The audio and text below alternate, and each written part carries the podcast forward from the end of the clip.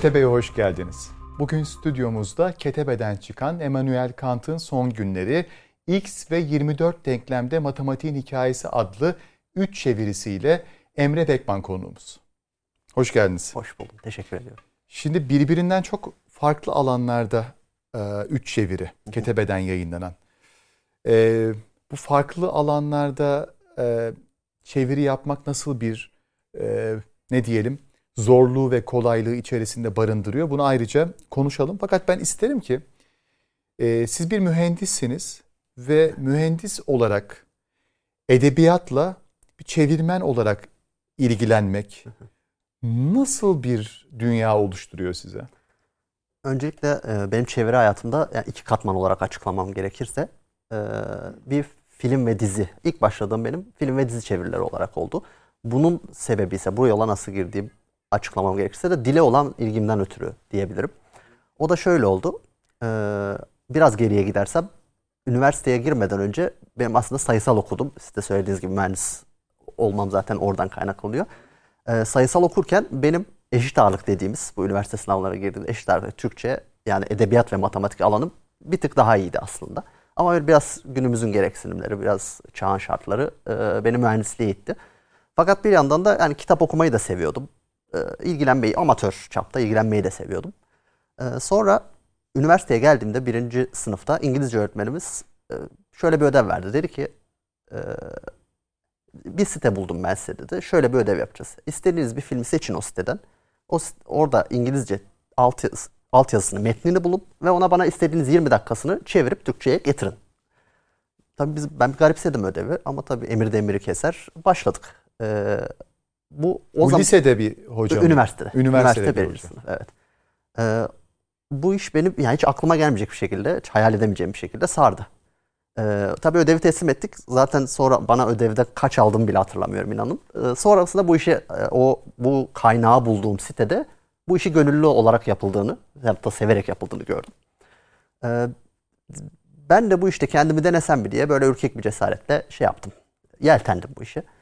Ee, kendimce kendime uygun, yani benim normal hayatta izleyebileceğim yapımları seçip kendimce oraya e, çeviri yapıp siteye eklemeye başladım. Tabi başta hani berbat çevirilerde öyle söyleyeyim.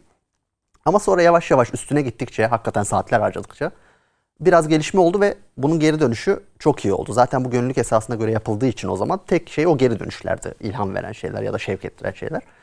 Böyle devam edince e, Sonrasında profesyonellik adımı geldi. O teklif geldi bana öyle söyleyeyim. Çeşitli platformlara yapmaya başladım. Ee, sinemaya, DVD'ye, kanallara. Böyle böyle devam ederken hani mesleki tatmin diye bir tabir vardır. Ya bir de niye kitapta yapmayayım diye bir kendi kendime sordum. Ee, İz yayıncılıktan Hamdi Akyol var. Hı. Belki bilirsiniz. Tam de. onu soracaktım. İlk çevirinizi hatırlıyor musunuz? Evet. İz işte, yayıncılıktan Evet tam çıkan. olarak onu, e, oraya geleceğim. E, dedim ki kendi kendime eşimle de konuştum. O sırada yeni çocuğumuz olmuştu. Hani böyle bir şeye girsem acaba çok vaktimi alır mı ne dersin falan. Böyle bir şey yapmak istiyorum. Gelirinde de değilim, kazancında da değilim ama hoşuma gidiyor ve istiyorum öyle bir şey. Fiziki olarak elime almanın haz, hazzını. Ee, o da sağ olsun destek oldu. Ee, ben de aradım e, Hamdi abi. O ya dedim ki benim için yani hiç ücreti şeyi sorun değil. Elinde varsa çevrilecek bir kitap. Sadece biraz uzun vadeli olsun ilk çevirim. Ee, bana verir misin dedim. Tabii ki dedi. Bana o zaman bir 90 yıl kadar önce yazılmış bir savaş muhabiri tarafından bizim bu büyük çekmece, küçük çekmece tarafında geçen Balkan savaşlarını izlenimini anlatan bir savaş muhabirinin romanıydı. Ee, onunla başladım öyle diyeyim. Hmm. Kitap ayağına bu şekilde başladı. Şimdi açılışta söylediğim gibi çok farklı türlerde e, çevirileriniz evet. var. E, bu nasıl mesela şu, şu an benim elimde Aha. Ketebe'den yayınlanan işte kitaplarınız var. Aha. İşte ilki 24 denklemde matematiğin hikayesi. Ben bir sözelciyim. Hı e, benim için biraz zor bir kitap Hı-hı. takdir edersiniz ki. E, fakat siz sayısalcısınız. Size yakın bir alan. Hı-hı. Ama hemen sonrasında bir X var. Evet. Yani Malcolm X'in hayatını evet. anlatan kitap. E, sonra da Emmanuel Kant. Hı-hı. Yani bir felsefeyle e, ilintili bir kitap. Evet.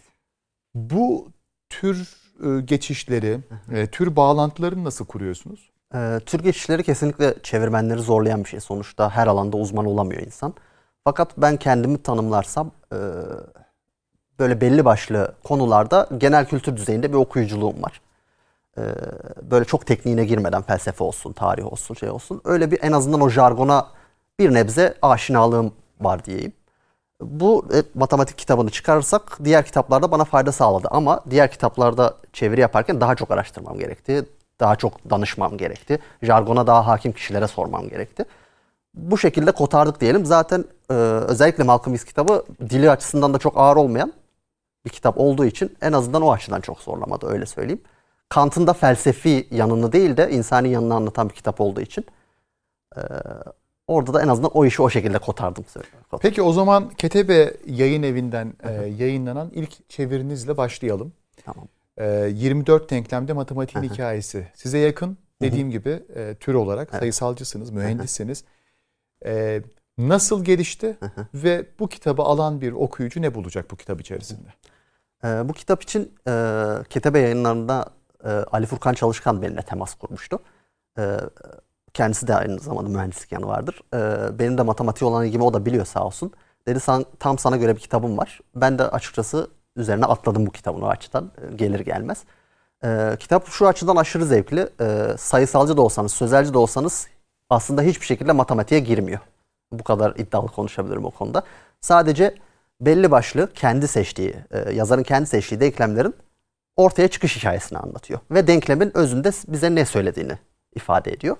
Hatta e, yazarın denklemler için e, şöyle bir tabiri var.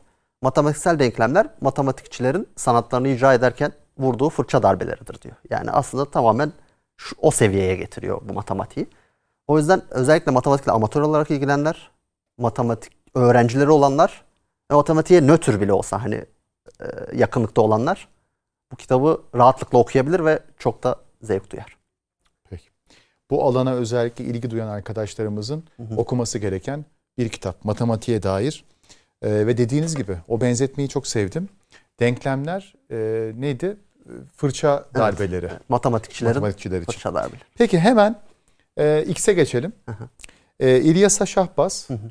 Malcolm X'in kızı evet. ve Kekla Mago'nun yazdığı Malcolm X'i anlatan X adlı bir roman. Doğru. Elimdeki e, roman. Yine Ketebe yayınlarından yayınlandı.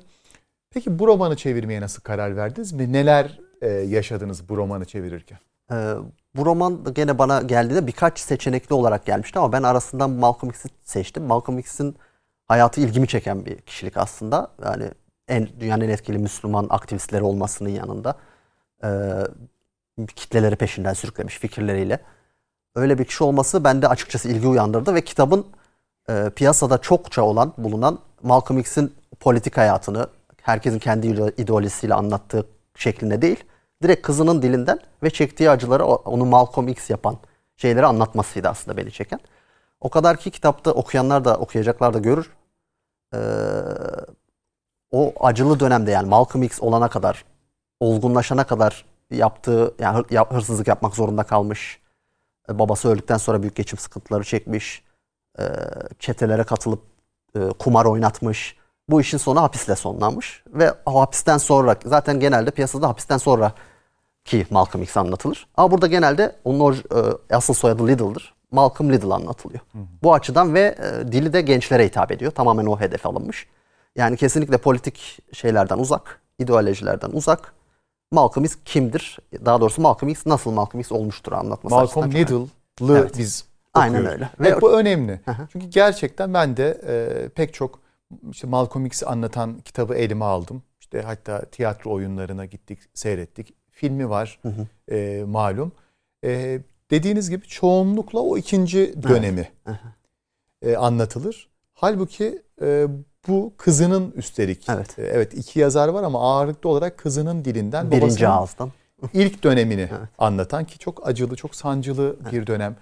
E, efendim demokrasinin beşiği e, zannedilen ve Sözde. öyle tanımlanan, bize evet. öyle kabul ettirilen Amerika'nın e, çok yakın zamana kadar resmi olarak e, günümüzde ise gayri resmi olarak devam ettirdiği ırk evet. e, ırkçılığın, evet. ırk ayrımcılığının e, direkt olarak etkilediği bir hayat. Aynen öyle. E, Malcolm'un e, hayatı hı hı.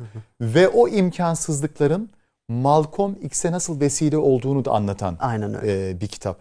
Bu anlamda aslında e, biz her zaman söylüyoruz ya bizim için e, en büyük sıkıntı günümüzde örnek şahsiyetlere ulaşma. Doğru. onların konuşmalarına, sohbetlerine, hayatlarına tanık olamama evet. e, imkansızlığı bu nesil için büyük bir eksiklik. Dolayısıyla biz bu eksikliği, bu evet. örnek şahsiyetlerin hayatlarını okuyarak evet. giderebiliriz. Evet, aynen. Ee, ve son çeviriniz yine Ketebe yayınlarından e, yayınlanan. Şimdi Kant dediğim zaman pek çok e, bizim seyircimiz ha Kant'ın hikayesi mi? Onun hayatı mı diyecekler. Efendim tam bir biyografi değil. E, teorik olarak da Kant'ın felsefesini anlatmıyor. Malumunuz Kant e, günümüz için de çok önemli bir felsefeci. Daha ziyade e, insani, tıpkı az önce Malcolm X ile ilgili konuşurken e, söylediğimiz gibi daha insani yanından Kant'a yaklaşan bir kitap. Hemen çevirmeninin dilinden öğrenelim. Yani bu kitabı alan bir okuyucu Kant'a dair neler bulacak? Dediğiniz gibi Kant e, Alman felsefesinin belki oturmasını, oluşmasını sağlayan rasyonalizmin en büyük savunucularından, en etkili kişilerinden biri. Böyle bakınca yani hiç felsefeyle alakası olmayan, hiç bilmeyenin bile bana 3 tane 4 tane filozof say deseniz sayacakla %99'un sayacağı bir isim.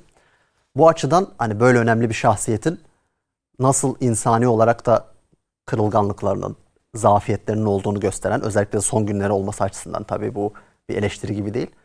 E, son günleri olması bunu göstermesi açısından ince olsa da çok kıymetli bir eser.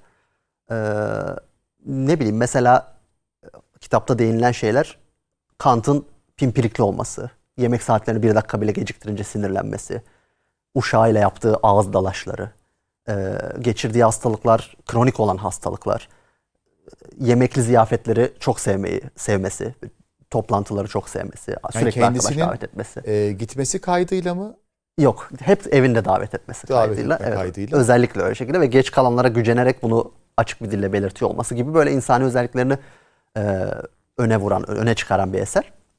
O açıdan çok kıymetli. Bir de yani en çok e, okuyuculara önereceğim yer, en bence onları etkileyecek yer cenazesinin tasviri, oradaki tasviri gerçekten o çarpıcı son son bölümde. Evet. Sürprizi sonda. Evet, sürprizi kitabı. sonda. Zaten e, çok da kolay okunup evet. hemen böyle bir günde bitirebileceğiniz evet. bir hacmi var efendim. Dili de ee, kesinlikle tabii. teknik değil. Herkese, herkese hitap eden bir şey. Evet. Yani felsefeye ilginiz olsun ya da e, olmasın. E, Kant denildiği zaman Hı-hı. pek çok şey söyleyebileceğiniz okuduktan sonra bir kitap. Aynen. Kaç çeviri oldu toplamda? Ee, kitap olarak değinirsek aslında 5 tanesi yayınlanmış. 6 tanesi de yayınlanmamış olarak 11 tane çevirim var. Yayınlanmayı bekleyen 6 kitap 6 var kitap. sırada. yani şu an bitti bunlar. Evet. 11 kitap çevirdiniz. Evet. Bunu şunun için soruyorum. Türkiye'de çeviri kültürünü e, biraz şey yapacak olsak, konuşacak olsak artılarıyla eksileriyle neler söylemek istersiniz? Ee, öncelikle şey şunu söylemek isterim. Çevirmenliğe ya da çeviri sektörüne biraz bakış açısıyla alakalı bu. E, hani ben de onlardan biriyim. Açıkçası ikinci mesleğim bu benim.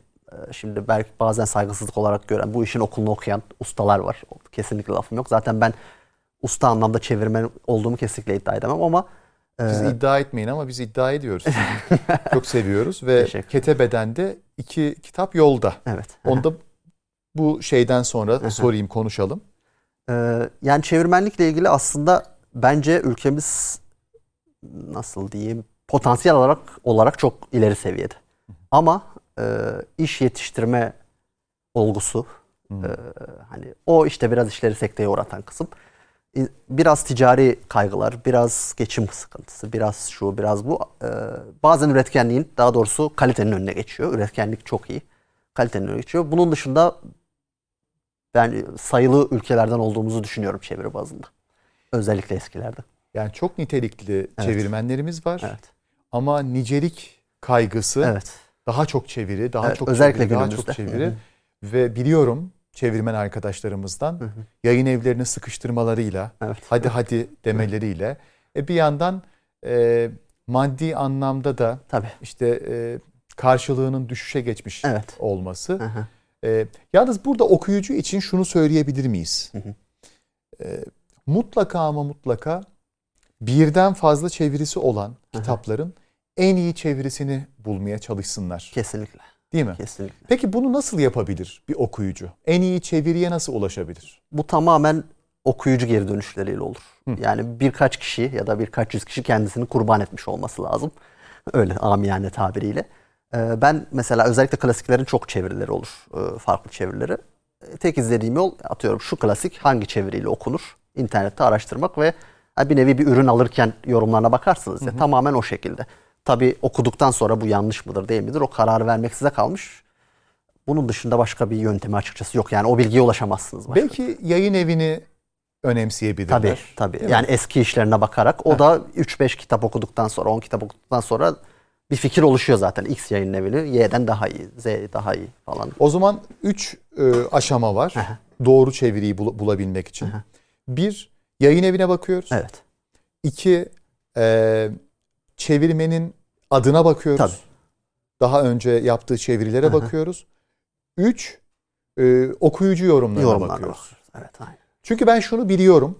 e, Çok daha ucuza Evet. diyelim ki suç ve ceza hadi hep bu, bu e, eser üzerinden örnek verilir. E, piyasada çok farklı rakamlara suç ve cezayı bulabiliyorsunuz. Evet. Fakat e, gerçekten kötü bir çeviri sizi Rus edebiyatına da küstürür. Suç ve cezayı da küstürür. Efendim Dostoyevski'ye de e, küstürür. O nedenle iyi çeviriyi bulmak için demek ki yayın evine bakıyoruz. E, çevirmenin e, ismine bakıyoruz. Daha önce yaptığı işlerle ve okuyanların yorumlarına bakıyoruz. Doğru. Tamam bu çok önemli. E, efendim peki az önce dedim ya ketebe için yeni çeviriler geliyor. Biraz değinelim mi? Tabii. Ee, ya bu programda açıklayacaksınız. Evet. Ketebe'nin sadık okuyucuları var. Bakalım onlar nasıl değerlendirecekler bu yeni gelecek kitapları. Ee, şu an Ketebe'ye iki tane kitap teslim etmiş bulunuyorum. Ee, tabii isimleri net belli değil ama İngilizceden düz çeviriyle yapacak olursak bir tanesi e, Gizli Şifreler. Bir tanesi de İnanılmaz Matematik diye çevrilebilir. Gene matematik üzerine. Ee, aslında Gizli Şifreler, ön- önce ondan başlayayım. Gizli Şifreler gene matematik üzerine ama e, sadece şifrelerin milattan önce 2000'lerden günümüze kadar artık tak, takdir edersiniz haberleşme çağında yaşıyoruz. Gönderdiğimiz, aldığımız her veri şifreli. Her şey şifreli. Yani sadece sohbetlerimiz hariç her şey şifreli diyebilirim. Ee, şifreler zaman yeri gelmiş devletler yıkmış. Yeri gelmiş yeni devletler oluşturmuş. Çok kelle götürmüş amiyane tabiriyle. Bunun kısaca evrimi diyebilirim. İki, Babililerden, Giritlilerden, önce 2000'lerden, 3000'lerden kil tabletlere yazılan ve günlerce oradan oraya taşınan şifreler, basit şifrelerden günümüzdeki e, nasıl diyeyim böyle borsaları şekillendiren, e, devletlerin bütün bilişim altyapılarını oluşturan devasa şifrelemelere kadar çok güzel bir e, anlatı. Şifreler üzerine bir kitap. Tamamen şifre tarihi üzerine. Bir de diğeri matematik üzerine Evet. yine. O inanılmaz matematik de aslında matematiğin günlük hayatta e, aktarıldığında gösterdiği güç. Yani hani hep matematik soyutlanır ya hayattan özellikle öğrenciler için. Ya ben ne işime yarayacak burada ya da ben anlamıyorum bunu zaten nerede görüyoruz ki. Nerede Aslında kullanacağım ki? nerede kullanacağız ki? Aslında tam olarak onu anlatan bir kitap. Ee, mesela bir örnek vermem gerekirse e, da- Amerika'nın bir Dallas olması lazım emin değilim. O o eyaletinde e, ma- hakimler şey olarak karar veriyor kefalet. Yani bir suçlu geliyor diyor ki buna ben kefaletle serbest mi bırakayım yoksa e, şey mi yapayım e, hapse mi atayım diyor. Şimdi bu kefaletle serbest bırakma ve şey işini algoritmaya bağlıyorlar. E, algoritmayı da insanlar şekillendirdiği için e, orada bile matematiğin etkisi sönümleniyor, insan etkisi devreye giriyor ve e, mesela siyahilere ırkçılık yapıldığı, algoritmada bile ırkçılık yapıldığı ortaya çıkıyor. Mesela öyle değişik enstantaneler var kitapta. Evet. Şimdi sosyal medya ile ilgili olarak da bu algoritmalar çok Evet. sık e, konuşuluyor. Evet. Aslında hayatımızın merkezinde matematik var. Evet. Ne As- yaparsanız yapın. Evet her açı zaten kitap özellikle onu vurguluyor ve ondan aslında insan etkisinin şöyle söyleyeyim matematiğe olan yanlış bakışın insan etkisinden kaynaklandığını savunuyor. Aslında diyor ki matematik kusursuzdur ama onu insan uyguladığı için günümüzdeki bazen o sorunlar matematik birebir matematikte çözülmesi gereken sorunlar olsa bile e, sıkıntı yaratabildiğini anlatıyor. Peki yani çevirmen olmak isteyen e, arkadaşlarımız varsa bizi seyreden ne tavsiye edersiniz? Neler yapsınlar? Ee, çok kitap okumaları gerekiyor. Çok e, kültürlere hakim olmaları gerekiyor. Ve birçok dalda genel kültür seviyesinde bilgiye sahip olmaları gerekiyor. Jargona bir aşina olmaları gerekiyor. Hakim olmak zor da aşina olmaları gerekiyor. Ee, hedef dile ve kaynak dile tam anlamıyla hakim olmak gerekiyor. Şöyle ki e, yani bunu ben öğretmenliğe benzetiyorum. Bir matematik formülünü, bir fizik formülünü ben anlarım. Ne demek istediğini bilirim. Ama size anlatamam mesela. Ben onu yapamam. Hı hı. Ee, ama çevirmen onu hem anlayacak kaynak dilden. E, benimseyecek ve Türkçe anlatabilecek. Yani hedef dilde anlatabilecek. Bu çok önemli. E, çevirmenlerimizin zaten demin de sordunuz aslında şunu da ekleyebiliriz. En büyük yani bir handikap varsa bunların arasında başta gelen aktarma iş. Mesela ben amatörken çeviri yaptığımda e, deyim olarak bizim kendi kullandığımız deyimler olarak çevirdiğimde insanların çok hoşuna gidiyordu. Yani kendinden bir şey buluyordu. Amerikan filmi. Hmm. İşte İngiliz filmi ama orada bizden bir tabir, Anadolu'dan bir tabir görüyordu. Bazısı yadırgıyordu. Ama demek istediğim bu biraz uç örnek. Demek istediğim yani oradan alınanı buraya anlatmak. Hmm. Bizim dilimizde anlatmak, bizim anlayacağımız şekilde anlatmak o önemli. Yani iki dile de hakim olmak. Can Yücel çok yapardı. Evet. Değil mi? Bir de o söyleyen derdi. Evet. Hatta şeyi hatırlıyorum. Hamlet'in meşhur to be or not to be evet. olmak ya da olmamak, olmamak e, cümlesini bir ihtimal daha var. O da ölmek mi dersin diye evet. çevirmişti. Evet. ee, ya bunu yapabilene ne mutlu. Şimdi Aynen çünkü öyle. çevirmen denilince ya da bir kişi ben çevirmenim deyince hemen çevirdiği dildeki hakimiyeti dikkate evet. alınır. Aa demek ki Fransızcayı ne kadar iyi biliyor ki Fransızcadan çeviri yapıyor denilir. Peki çeviriyi e, yaptığı dil evet. Türkçe yani günlük hayatında 400 kelimeyle yaşıyorsa evet, bu kişi iletişimini kuruyorsa e 400 kelimelik bir Türkçesi varsa evet.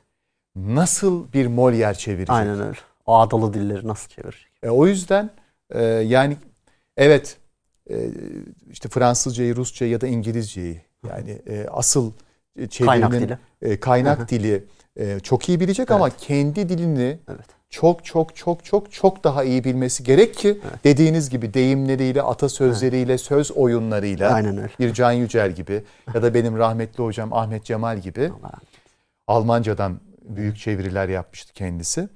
Ee, dediğiniz gibi bütün söz imkanlarından yararlanacak ki lezzetli bir çeviri. Aynen öyle. Ya çeviri olduğunu hissettirmeyecek. Aslında çevirmenlerin ya çevirmenliğin en büyük mottosu, en büyük sloganı odur. Ben buna çeviri demeyeceğim okur olarak. Hı hı. O, en büyük sır orada yani. Sanki Kant misal veriyorum.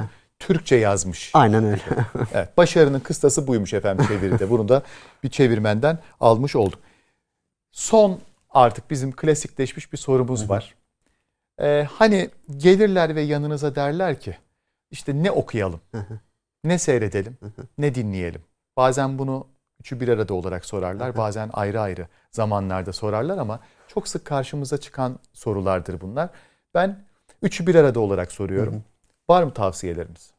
Yani izlediğim şeyler olarak hani son izlediklerimden yola çıkarsam e, ben genelde popüler kültürü takip ediyorum bu açıdan dizi film olarak.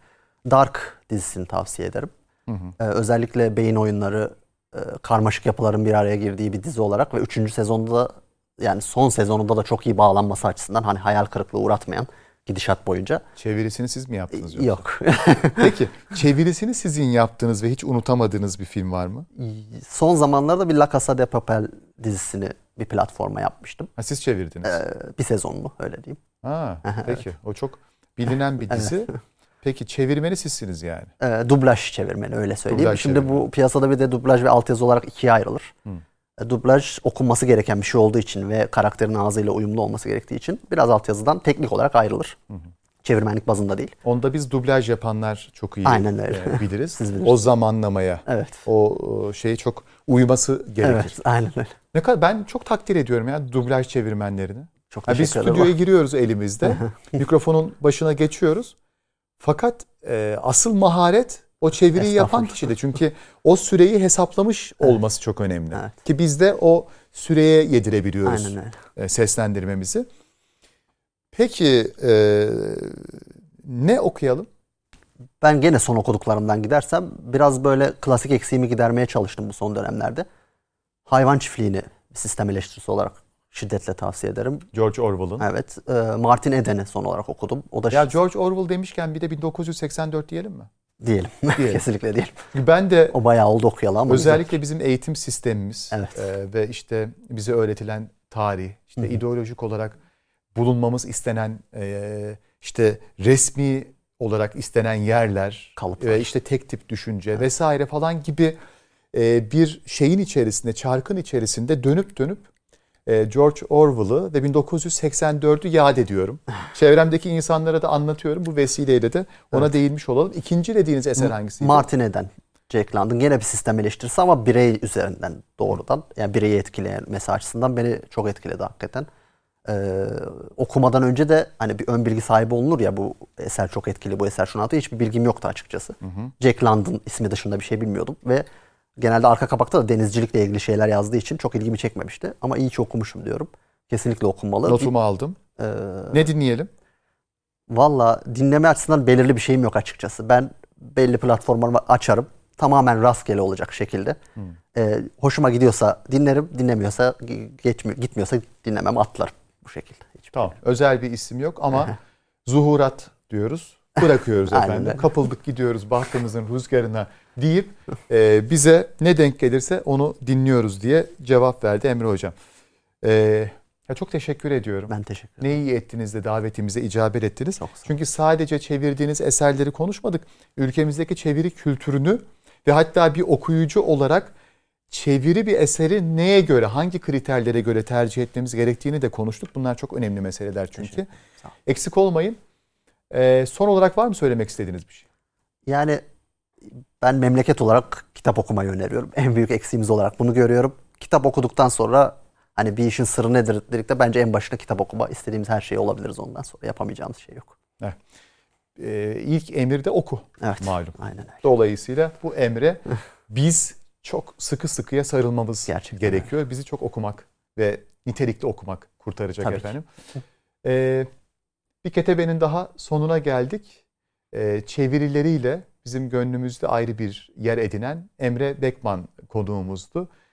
Yeni bir ketebede görüşünceye dek kitap kokusunun hiç eksik olmadığı bir hayat diliyorum. Hoşçakalın.